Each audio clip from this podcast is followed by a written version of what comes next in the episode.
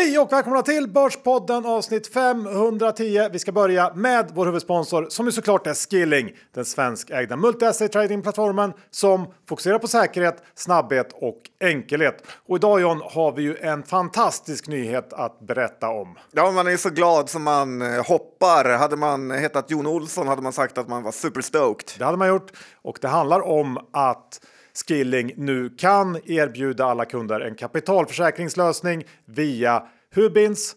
Och det här är ju riktigt, riktigt bra. Det innebär ju att man då kan handla CFDer i en kapitalförsäkring och slippa att deklarera för alla affärer. Och det fungerar ju då precis som en vanlig kapitalförsäkring, en schablonskatt varje år. Och det här underlättar ju enormt mycket. Ja, det är så bra nyheter så att det är helt otroligt och eh, vi är väldigt glada att Skilling har tagit fram den här lösningen. Det är vi verkligen John och man ska veta också att det kostar ingenting att starta upp en kapitalförsäkring hos Skilling utan eh, avgifterna börjar löpa först när man har gjort sin första insättning och eh, den måste vara på minst 250 000 kronor. Ja, det är bara att eh, läsa villkoren och eh, se vad Skilling erbjuder. Precis, står mycket om det här på Skillings hemsida. Men kom ihåg att 76 av retailkunder förlorar pengar när de handlar CFD så böckskilling.com för en fullständig ansvarsfri skrivning. Och John, om man inte öppnat ett konto än, hur gör man? Då går man in på deras hemsida eller laddar ner appen och använder sitt bank-id så har man ett konto på ett litet kick. Precis. Vi säger ett stort tack till Skilling! Det är onsdag igen John och det är ett nytt avsnitt av Börspodden. Det är det. Det är lite svajigt här i Börspodden-studion. En John Skogman som är småförkyld får man ändå säga. Lite basröst nu va? Ja, faktiskt. Brukar Börspoddens tre kvinnliga lyssnare gilla. Ja, eh, bra. Nej, men, det, det har hänt mycket ändå den här veckan och eh, det ska vi prata om idag. Så att vi kör igång. Johan, Dr. Bass Isaksson index säger 2240. Det är lite svagt nu. Var du orolig för den här veckan? Det, ska jag faktiskt, det finns ju alltid saker att vara orolig för, det ska Gud veta. Är du extra orolig den här veckan? Kanske. Uh, Medium rare. Ja, men, men eh, jag kommer till det. För att det är ändå, man får ju ändå säga att det är starkt liksom på storbolagsindexnivå. Men jag tänkte återkomma till mitt eh, det här ökända helvetet kommer att braka loss uttalande. Ja, det är klassiskt nu. Ja, det är klassiskt. Inramat hos dig. ja, eh, och jag tänker att jag kanske inte var så fel ute ändå som det ser ut. Eller? Nej, det kan ju hända. Ja, men jag tänker att det kanske redan har hänt. Har det redan hänt? I viss mån. Du är inte så rädd för helvetet Ska... i sådana fall, om det redan har hänt. Nej, men man måste bara kolla lite under ytan, tänker jag. Okej, okay. uh, under huven. Ja, under huven. Och uh, titta bara här på liksom Embracer och SBB på slutet, eller Sint. Det är alltså aktier med extremt många småsparare där helvetet faktiskt brakat loss på riktigt, det får man ju säga. Verkligen. Ja. Och eh, man kan ju generalisera en del här och säga att väldigt många småsparaktier överlag lever i en helt annan verklighet än storbolagen och det märker man ju inte minst på hur riskviljan på börsen påverkats jämfört med eh, ett år sedan.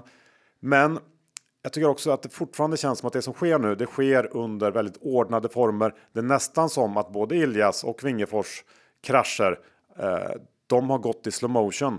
Eh, och jag tror ju att centralbankernas räntehöjningar kommer att ta oss till värre platser än så här och eh, allt är väl som vanligt med andra ord i min syn. Ja, men lite undrar man vad Thedéen har hittat på. Han har fortsatt krascha den svenska valutan samtidigt som han har orsakat en eh, typ av fastighetskris i Sverige. Ja, det har han gjort helt själv. Det har han gjort själv.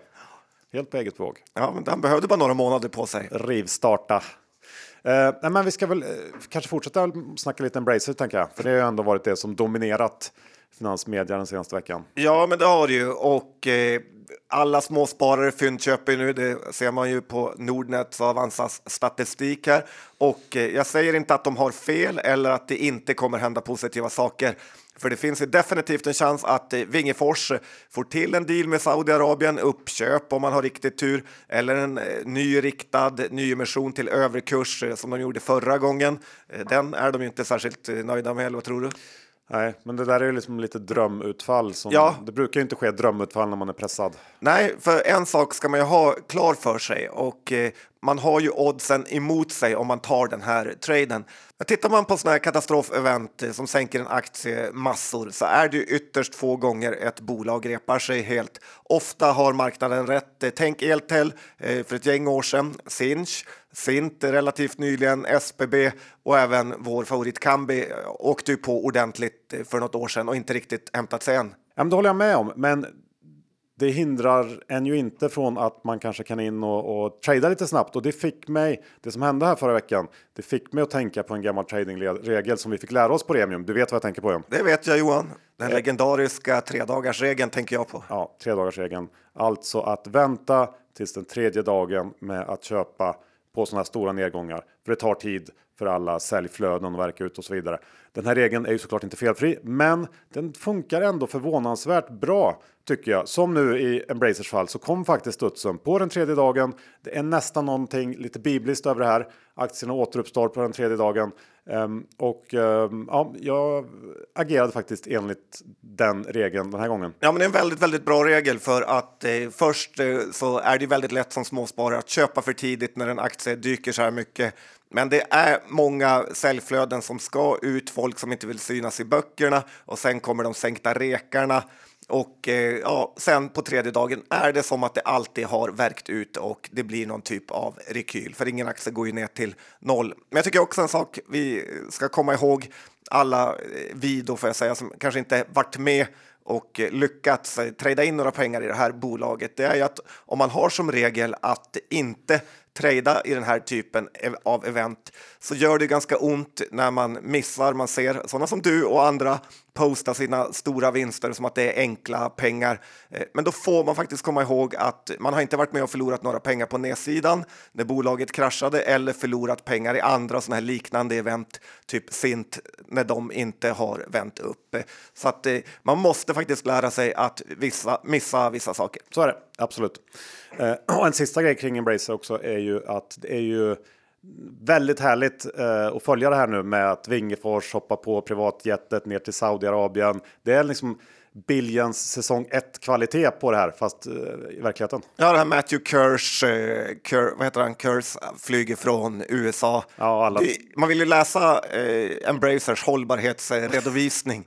Den kan ju inte vara tipptopp. Lite skulle också vara kul om eh, den här amerikanen eh, hade, det hade varit så att eh, Wingefors hade glömt sin plånbok i USA och gjort en Sverker Martin Löv och eh, skickat den med privatjet och alla tror det ska bli en stor deal. Ja, så kanske det var. Vi får se. Du, eh, en het trend på börsen i år, John, det är det jag har valt att kalla eh, serieförsäljartrenden. Alltså, mm. helt ny trend. Ja, det är en ny trend får man säga. I alla fall som har fått ett namn. Ja, eh, det är ju då att alla de här serieförvärvarna vänt och blivit serieförsäljare istället. Vi pratade förra veckan om Skidstahus och någon målerifirma som Storskogen skickade iväg. Ja, men precis. Storskogen har börjat sälja. Vestum har gjort det. Eh, SBB är väl eh, det mesta till salu i och eh, Embracer lär väl också den här vägen vandra känns det som. Eh, det här är ju såklart väldigt trist för alla aktieägare som varit med ett tag eftersom de här försäljningarna garanterat leder till en permanent förlust för bolagen som måste sälja till mycket lägre priser än vad man köpt för. Men den röda tråden i alla de här fallen, det är ju såklart en alldeles för hög skuldsättning och det går inte att tjata nog om vikten av att se till att inte äga bolag som ligger i gränslandet rent skuldsättningsmässigt just nu. Det är liksom eh, den absolut viktigaste punkten just nu. Ja, särskilt när det blir såna här vändningar som vi har sett på marknaden. Jag tycker vi kan titta lite på de mindre listorna också där väldigt många bolag är i behov av kapital och det kommer bli brutalt dyrt för dem att få in pengarna.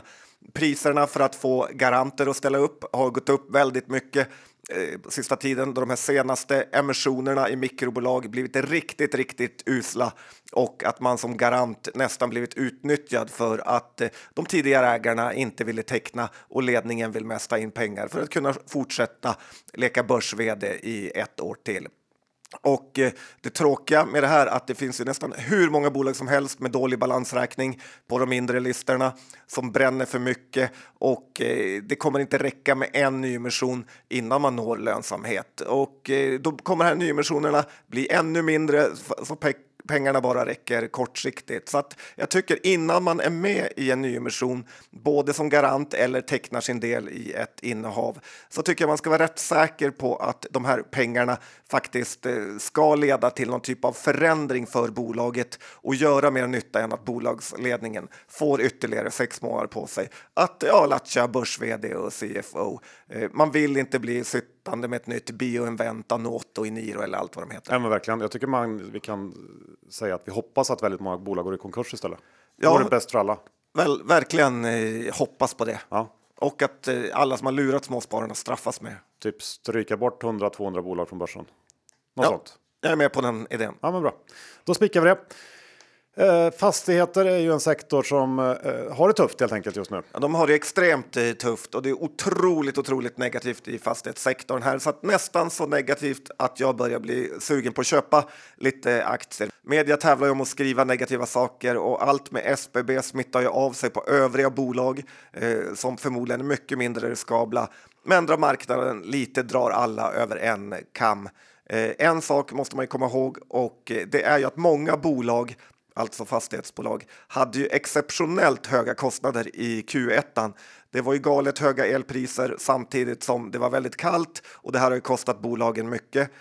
Så att man ska inte dra Q1 kostnader rakt över eh, hela linjen för de andra kvartalen.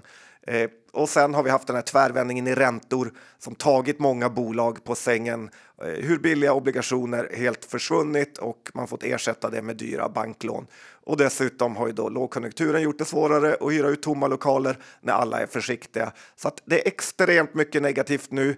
Och lite kan man ju tänka så att vi har ju redan faktiskt kommit igenom nästan halva 2023 och eh, så redan 2024 får man ju börja höja hyrorna igen ganska kraftigt. Visst, räntorna verkar fortsätta upp en del till, men att gå från 4 till 5% är ju inte i närheten av lika chockartat som att gå från 0 till 4% eh, så att eh, bolaget som kommer reda ut 2023 kommer nog att vara ganska bra aktieaffär att göra eh, på lite sikt tror jag om man kan snappa upp dem nu. Lundberg snackade ju i det idag att vi är inne i en finansieringskris och inte en tillgångskris och han har hyfsad känsla så att lite småsugen börjar man bli. Ja, nej, men det behöver nog inte vara fel, eh, även om man, man kanske också kan vänta på. Det är ju många bolag som antagligen kommer behöva ta in pengar på ett annat sätt och eh, det skulle kunna vara bra tillfällen. Eh, som Castellum gör nu till exempel. Ja, det är ofta ett av de bästa eh, tillfällena i stabila bolag. För då får man någon slags eh, punkt, bottenpunkt att eh, navigera ifrån. Ja, ytterligare ett kapitel i tradingboken. Ja. Och John, som vanligt så är det någonting som du har gått och retat dig på den här veckan. Ja, och nästan börjat reta sönder mig på att det blivit ett svart hål i mig, Johan. Oj då. Ja, det är inte så bra. Nej. Det är kanske därför jag blivit förkyld, för att det har tagit så mycket på min psykiska hälsa. Men det här är något som måste upphöra omedelbart. Och vet du vad jag tänker på? Nej, det kan vara väldigt många olika saker. Ja, men det är ju när folk gör helt alldagliga och ganska så tråkiga saker men ändå märker sitt inlägg på Twitter eller Instagram med livet. Eller ännu värre, livet ändå. Typ bild på badat. Livet ändå. Får, man, får man inte göra det? Det får man verkligen inte göra, Johan. Varför gör de sådana saker? Så vad är det som är så hemskt då? Nej, men det är inte Elon Musk eh, som har förstört Twitter, utan det är alla som lägger ut sådana här grejer. Och jag förstår inte, ingen bryr sig om du badat i saltvatten och tror det ändå så skriv det inte på Twitter. Och framförallt inte livet ändå. Nej, nej, okej. Sluta! Ja, bra. Men eh, eh, sen så kommer det sjukaste någonsin hända också snart. Ja, det är så sinnessjukt. Vad är det då? Ja, men det är svårt att ta in och eh, ja, men nästan det värsta jag någonsin varit med om och det kommer inträffa på måndag. Vad, vad, är det här då? Och det är att Stockholms skolor har infört klämdag för eleverna. Alltså att det är nationaldagen den 6 juni och ja visst, det är fine att det är en röd dag. Men att den svenska skolan då, som redan är en underpresterare av världsklass, nu också infört klämdag för barnen. Dagen innan röd dag. Det är nästan svårt att ta in Johan. Ja, men det här är ju värre än livet ändå. Ja, men det är faktiskt så att barnen är lediga på måndagen den 5 juni. När jag först hörde det här så var jag helt övertygad om att det var ett eh, skämt. Så att eh, bara någon så här vecka innan redan ett overkligt långt sommarlov behöver barnen en liten lång helg. Så att, eh, för de som undrar varför vi har världens svagaste valuta så behöver de inte undra längre utan det är precis sådana här saker som gör att vi har eh, en dålig valuta. Ja, jag håller med. Ta bort alla klämdagar och halvera sommarlovet så kanske vi börjar få en... Det är en bra start. Det är en bra start. Redan en vecka sponsrad av Klients kapitalförvaltning. Och John, jag tycker att det är värt att påminna om vad en framgångsrikt aktivt förvaltad fond kan skapa för mervärden för alla andelsägare. Tittar man på Klients småbolag så har den sedan starten 30 september 2016 fram till 30 april i år avkastat drygt 207% jämfört då med index som ligger på bara 99% Det här är alltså mer än dubbla avkastningen. Och det här är ju någonting som man är väldigt, väldigt nöjd som andelsägare över. Ja, det är imponerande vad Carl Sundblad levererar och han har ju sina olika strategier för det. Den jag gillar är det här med att han lika viktar alla bolag. Precis, det är smart. Och jag vill också slå ett slag för klients månadsbrev eh, som man kan signa upp sig på eh, på deras hemsida där man får ta del av förvaltarnas tankar helt gratis och väldigt, väldigt informativt och lärorikt. Men verkligen tycker jag man ska göra. Det är bara att gå in på klients.se och signa upp sig. Och om man är intresserad av att köpa klients fonder, hur gör man då?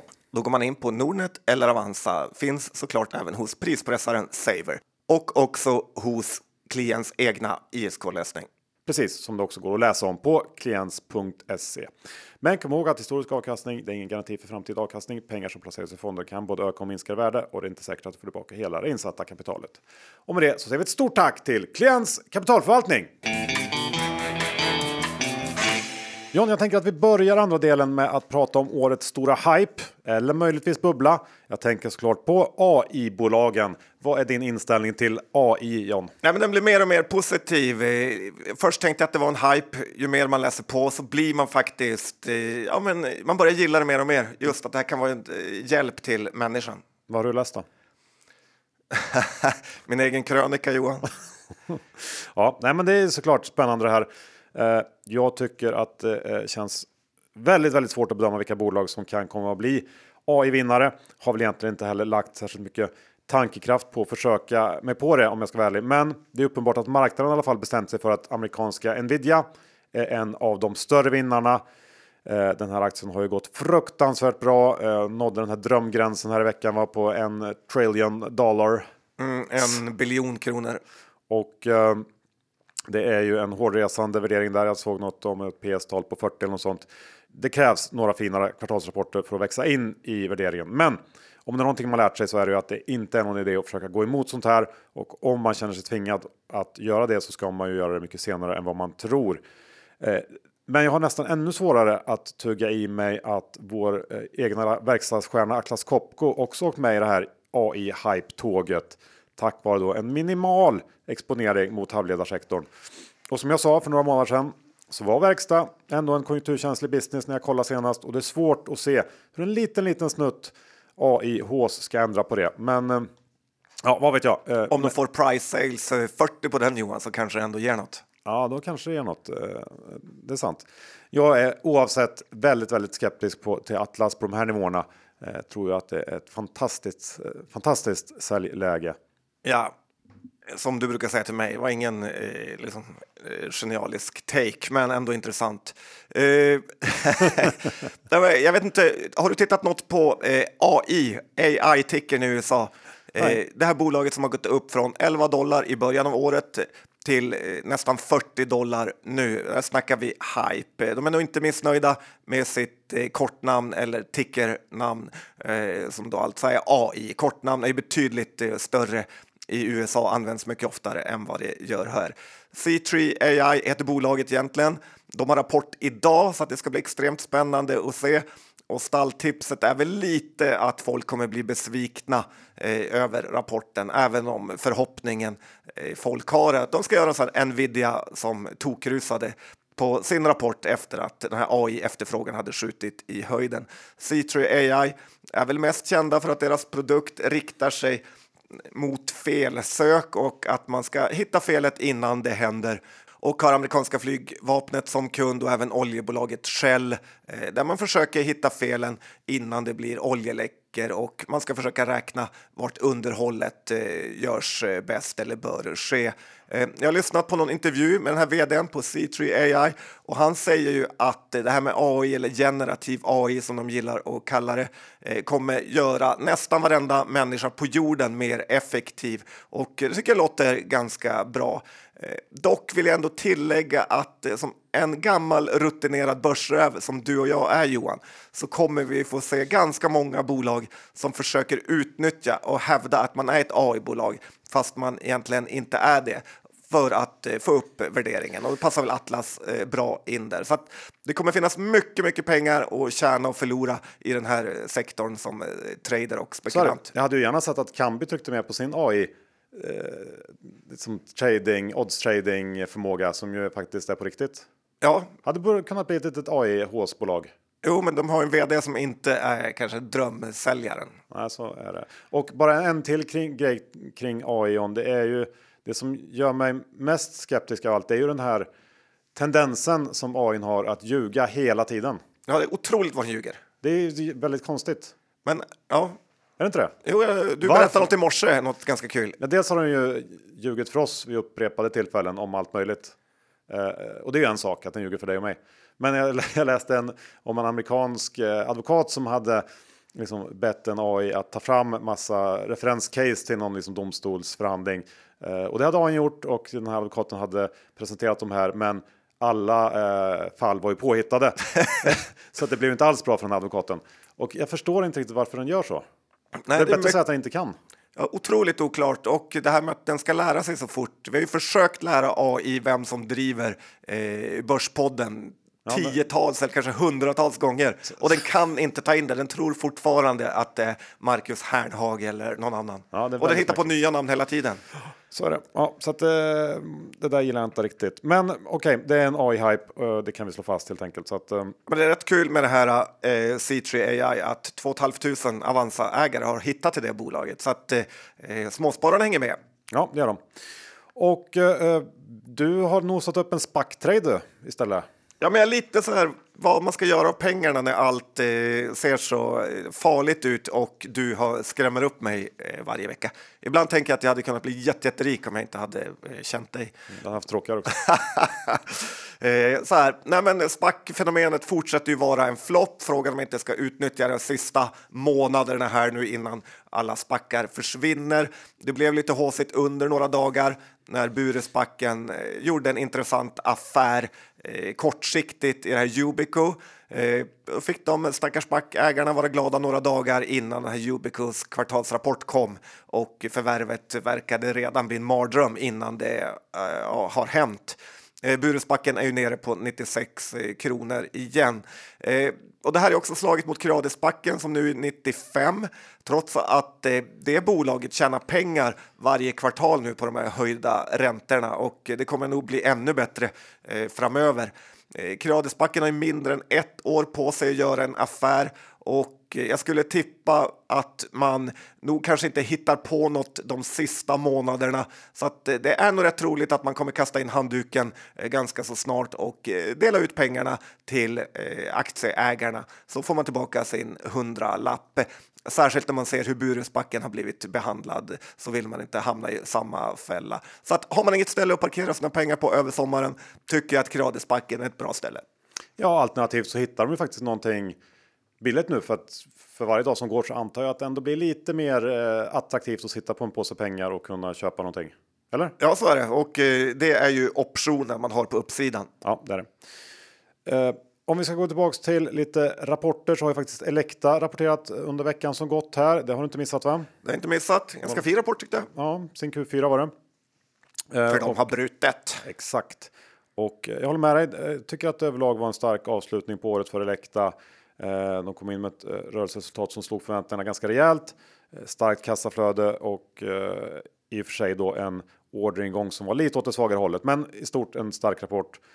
Och av någon anledning så är det här en bransch som fortfarande har problem med komponentbrist och ansträngda leverantörskedjor. Det har gått åt rätt håll sista kvartalen här eh, och borde kunna fortsätta att förbättras tycker jag. Elekta guida också för att eh, marginalen ska förbättras under de kommande två åren och att tillväxten ska uppgå till minst 7% per år. Eh, och när det gäller just marginalen så tycker jag att det är lite konstigt att inte Elekta tjänar mer pengar än vad de gör. Eh, vi har ju verkstadsbolag med marginaler på över 20% men Elekta kommer inte ens upp i 15 Jag vet inte riktigt vad det beror på. Har du någon teori? Verkligen inte. Nej, men håller du med om att det är konstigt? Ja, det är väldigt konstigt. Ja, bra. Och lite är man väl i stort orolig för den här marginalexpansionen eh, som många verkstadsbolag gjort eh, sista åren, att det kan slå tillbaka och att lite, ganska mycket beror på valutorna. Jag vet inte hur det är för Elekta. Ja, absolut. Jag är också orolig för verkstad. Men, men om vi ska gå tillbaka till Elekta så eh, det känns i alla fall som att det borde inte vara omöjligt att skrämma upp marginalen några hack till eh, för Elekta på något års sikt här. Och aktien är inte särskilt högt värderad och dessutom ganska rejält blankad. Så jag tycker att Elekta känns ganska okej okay här om jag ska vara ärlig. Ja, men tack men, för att du är ärlig Johan. Man ändå inte, man ändå När man ska vara ärlig vill man ju höra sjukare saker än att det känns okej okay värderat. Men, eh, men ändå inte så där att man bara vill kasta sig in. Nej, men det finns en hel del eh, intressanta svenska strålningsbolag. Eh, C-Rad som jag har en skvätt i, Research som jag har en skvätt i, Elekta har jag inget i, men skulle faktiskt kunna tänka mig ja. att köpa lite långsiktigt. Här. Och på tal om Research som du nämnde här så tänker jag att vi kan snacka lite Research också för där har också hänt en sak i veckan. Ja, det var att de blev godkända på något va? Ja, eh, det är en nyhet som djupa kunskaper fått lite exakt fått lite för lite uppmärksamhet faktiskt tycker jag. Och det du syftar på där och, och eh, som jag ska prata om, det är ju att Research äntligen efter år av strul och förseningar i veckan då meddelar att Raycare nu är interoperabel som det heter med Variance TrueBeam maskiner. Och det här är då eh, resultatet. Which means som de säger. Ja, att man kan koppla ihop då Raycare med eh, Varians eh, storsäljarportfölj av maskiner. Det låter ju väldigt bra. Det är väldigt bra. Eh, och det här är då resultatet av ett avtal som signerades eh, 2020 så det har ju tagit sin tid. Men jag tror faktiskt att, att man inte ska underskatta betydelsen av det här. Den adresserbara marknaden ökar ju markant för Research när Raycare nu då funkar med Varian som ju är den största spelaren på det här området. Och gissningsvis har ju RaySearch redan idag massor av kunder som har eh, RayStation då som är den andra eh, Research-produkten på en, en eh, Varian-maskin och gärna skulle köra med Raycare också. Så att det ska bli väldigt intressant att se vad det här kan ge i form av nya affärer eh, kommande året. Så att jag tror att det här är ett viktigt steg framåt för RaySearch och eh, ja, ökar potentialen lite grann. Ja, det här är en komplicerad business som inte är helt lätt att förstå alla eh, svängar i, men eh, det låter ju bra. Börsen verkar inte ha gillat det så mycket. Research har mest gått ner sista dagarna. Ja, den har väl inte äh, hänt så mycket alls. Det var därför jag tyckte att den kanske var lite under... Eh, missförstådd. Ja, lite missförstådd ändå. Och eh, även om man inte förstår hur det hänger ihop och så här så räcker det ändå med att förstå att marknaden eh, blir mycket större. Det borde ju vara bra. Det så borde vara bra. Mm. Enkel analys. Om du ska vara ärlig. Om jag ska vara ärlig så var det det. Eh, och värderingsskillnader John var vi inne på tror jag förut och du har hittat en som du tycker är lite märklig om du ska vara ärlig. Ja, men intressant också. Vi ska prata lite kopplingar här nu och det är ju spreaden mellan lastbilskopplingar och grävskopakopplingar som är ungefär 30 p-tal i skillnad. Encom på P40 och VBG på P10. Eh, lite överdrivet eh, kan Eh, skarvar jag till det nu, men ungefär så här är det. Eh, visst, Encon hade ett väldigt bra Q1-resultat, eh, men samtidigt en ganska dålig orderingång och lite av en sån här marginalexplosion i rörelsemarginalen eh, som väl känns kanske lite tillfällig. Eh, Encon har lyckats väldigt, väldigt bra med sin storytelling jämfört med VBG då, som ses som ett litet så här, trött stiftelsebolag eh, som är ganska aktieägarovänligt. Medan då Engcon och eh, den här grundaren Stig Engström har lyckats med någon typ av mannen från bygden som är på väg att ta över världen. Eh, storyn Encon är ju att den här grävskopekopplingen eh, ja, men ska in på i princip varenda marknad eh, runt jorden, för det är nästan bara vi i Skandinavien som använder den. Och lite när jag hör det här så får jag känslan som eh, när folk pratar om att ja, men det är en svensk som har uppfunnit osthyveln och att det är vi råstolta över. Eh, men grejen är att det är ingen annan i hela världen som ens vill använda en osthyvel för att det är ganska ohygieniskt att man måste hålla en hand på den och så dra med den andra. Ja, nu ja. lät det sjukare än vad jag var tänkt, men du vet vad jag menar. Eh, osthyveln alltså. Och eh, ja, jag vill säga att det, det- är ofta så här med börsen att eh, nya saker lockar mycket, mycket mer än gamla och att eh, köper man en grävmaskins rotortilt till P30 kan bli en väldigt lågavkastande affär på sikt när hypen har lagt sig. Medan att köpa något ingen riktigt gillar, typ VBG, kan nog fortsätta generera en stabil ja, avkastning. Mm. Så att akta er för osthyveln. Ja, osthyvelsstrategin, det är många bra tradingstrategier man Det får. här är ju ett nytt kapitel känner jag i boken. ja, Osthyveln. osthyveln. Ja, bra. Eh, och eh, jag vill höra, du har, hade någon slags bettingsvep att komma med idag. Det vill jag väldigt gärna höra. Jag är ju bettingintresserad som tusan. Det är du. Mm, ja, det har varit Elitloppet här och eh, kan väl vara på sin plats och prata lite betting. Där fick jag inte följa med. Det fick du inte. Det var ingen som frågade mig om jag ville spela på hästar. Nej, men jag var med mina Umeå-kompisar. Du ville nog inte följa med Johan. Eh, jag är inte med själv ännu, men så här. Det var ju. Eh, titta igenom de här tre bettingbolagen Betsson, eh, Kindred och Kambi. Och det ena är att det har varit val i Turkiet och det är förmodligen väldigt bra för Betsson att eh, den onda Erdogan vann.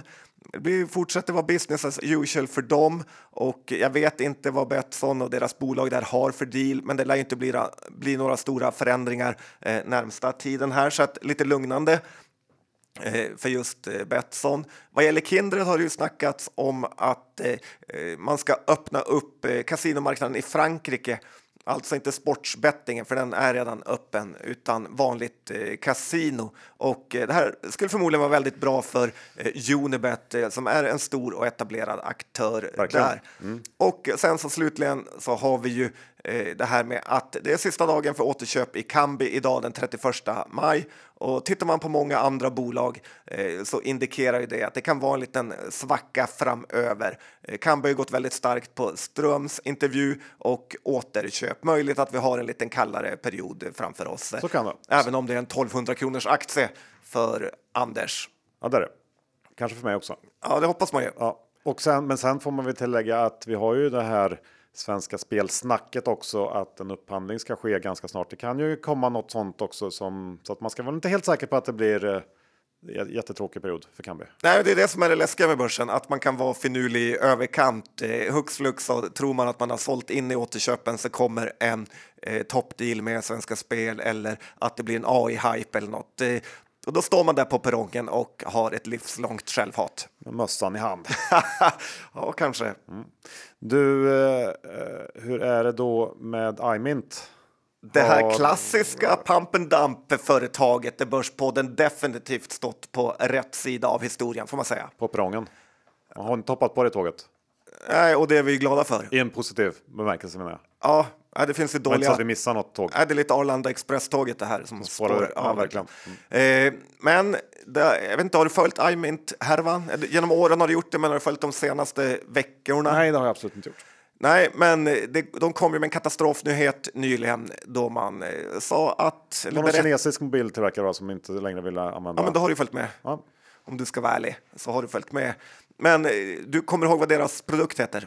Någon så här enhance. Vidhans, Vidhans, ja, videostabilisator för mobilen. Då. Och en kinesisk tillverkare sa att eh, man inte längre kommer använda eh, deras eh, produkt. Eh, iMint skyller på lite handelskrig och eh, öst mot väst och lite sånt, men det är nog förmodligen för att deras produkt är för dålig i grund och botten. Och innan det så hade ju deras eh, senaste rapport Q1 kommit eh, veckan innan det här och den var väldigt, väldigt dålig och fick ju aktien att rasa. Eh, så att två väldigt dåliga saker har hänt här på kort eh, tid. Eh, intäkterna har, ju försvunnit för iMint, man har höga kostnader, man aktiverar mycket. Läser man rapporten så ser det nattsvart ut, vilket är inte oväntat för oss som har följt det här bolaget som typ sitter inhyrda på Smålands nationslokaler i Uppsala samtidigt som man kämpar mot enorma drakar som konkurrenter.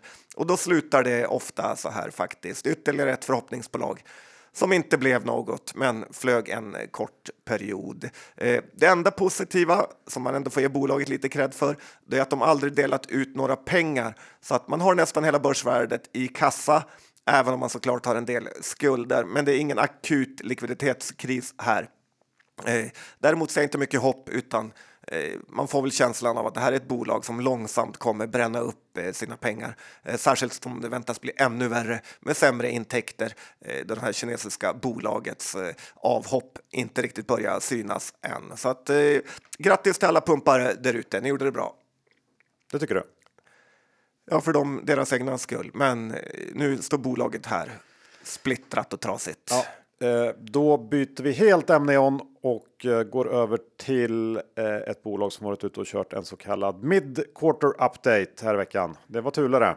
Det var Thule. Ja. Inte första gången, Nej.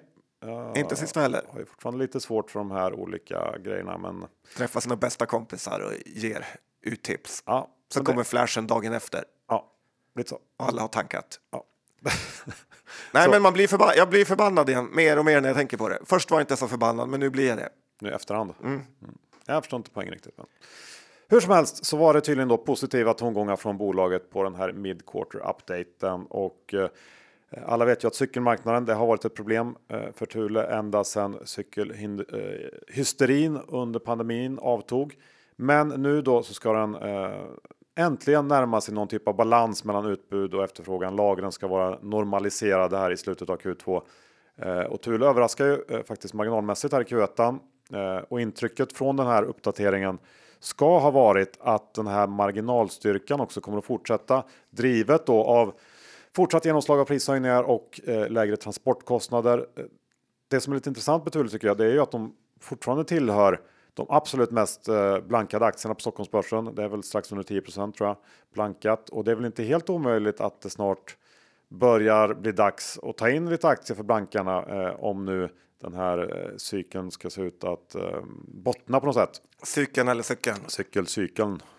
Jag ska faktiskt köpa en ny cykel. Lite sjukt nog har jag tappat bort min cykel. Jag har parkerat den på stan och kan inte hitta åt den igen. på Elitloppet. Nej, det här var innan det. Lite, lika eh, mycket skamkänslor, men ändå, jag kan inte hitta den. Ja, det är lite sjukt ändå. ja, men du ser. Eh, det kanske det ligger någonting i det. Eh, men det, jag tänker att det här kan vara någonting och jag vet inte om man måste agera på Thule just nu, men det kan vara någonting att ta med sig in i rapportperioden tänker jag. Mips gick upp massor på det här också. Exakt, det är möjligt att den här sektorkollegan Mips också kan börja se en vändning snart. Vad vet jag? Nej, Eh, om ja. du ska vara ärlig då, vad vet du då? inte mycket. Nej, men grejen är att båda, det är lite intressant att båda de här bolagen är ju väldigt högt värderade och högt eh, blankade. Att det är liksom eh, det är konstig giganternas kom- eh, kamp lite grann. Det är en konstig kombo på något sätt. Ja, Men, det brukar eh, inte vara så. Nej, det är mycket som konstigt. Eh, och då är ju den självklara frågan man ställer sig om. Är Abercrombie and Fitch konstigt? Ja, men det här klassiska 00-bolaget, eh, kommer du ihåg dem?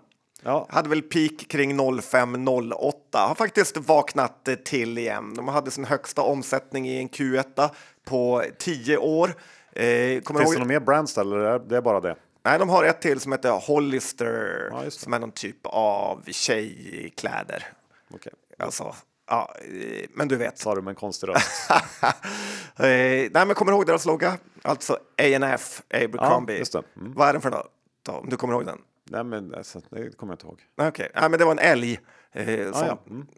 eh, och eh, de är ju mest kända för sina jättekola modeller. Eh, och jag gillar ju ändå sådana här bolag som på något sätt kan hitta en ny kraft och resa sig igen. Hollister som jag nämnde är ju nästan lika stort omsättningsmässigt eh, som Abercrombie. Och en sak som är väldigt intressant om man tittar i rapporten här, det är att de guidar väldigt bra för nästa kvartal. Eh, för att fraktkostnader och materialkostnader kommer sjunka eh, mycket, mycket mer än eh, vad det var förra året. Så att de kommer ha ha väldigt mycket bättre marginal. Och jag tänker att det här också borde vara bra för andra bolag inom den här branschen, typ H&M kanske i viss mån även New Wave, eh, även om de just nu verkar vara utsatta för någon blankar eh, attack. Men kul att A&F gick upp 20% på sin rapport. Mm, jättekul. Har du några sådana kläder? Nej, Okay. har du? Mm, jag köpte när det var hypat. Köpte på toppen Johan. Slut på avsnitt 510. Vi säger såklart stort tack till vår huvudsponsor Skilling. Se till att öppna ett konto om man inte redan gjort det och det finns ju enormt utbud av CFD att handla på Skilling och det är lika enkelt att gå lång som det är att gå kort. Och glöm inte bort deras kapitalförsäkring. Väldigt eh, bra grej Skilling har infört. Verkligen. Men kom ihåg att 76 av artikeln får poäng när de har CFDR så Skilling.com för en fullständig skrivning. Och Jan, hur är de med våra egna innehav? Vi pratar Kambi, det har vi. Research har vi. Kindred har vi lite, lite av. Vi och vi. Ja, jag och Börspodden-portföljen. Den Legendariska, mytomspunna. mytomspunna. Lite hemliga. Ganska mycket hemliga. Även Okej, om det är snokade. Ja, men precis. Ehm, Har du några Embracer? ja, det har jag lite grann en trade-in-position, men de kan ju ryka snabbare än kvickt tänkte jag säga. Så att, eh, Ja, men det är så mycket som händer där så att där får alla vara på tårna. ja, Där, you're on your own. ja, det är man verkligen. Bra, ja, men eh, det var väl allt va? Ja, men det tycker jag. Mm, då säger vi så. Tack för att ni lyssnade. Vi hörs om en vecka igen. Hej då! Det gör vi. Hej då!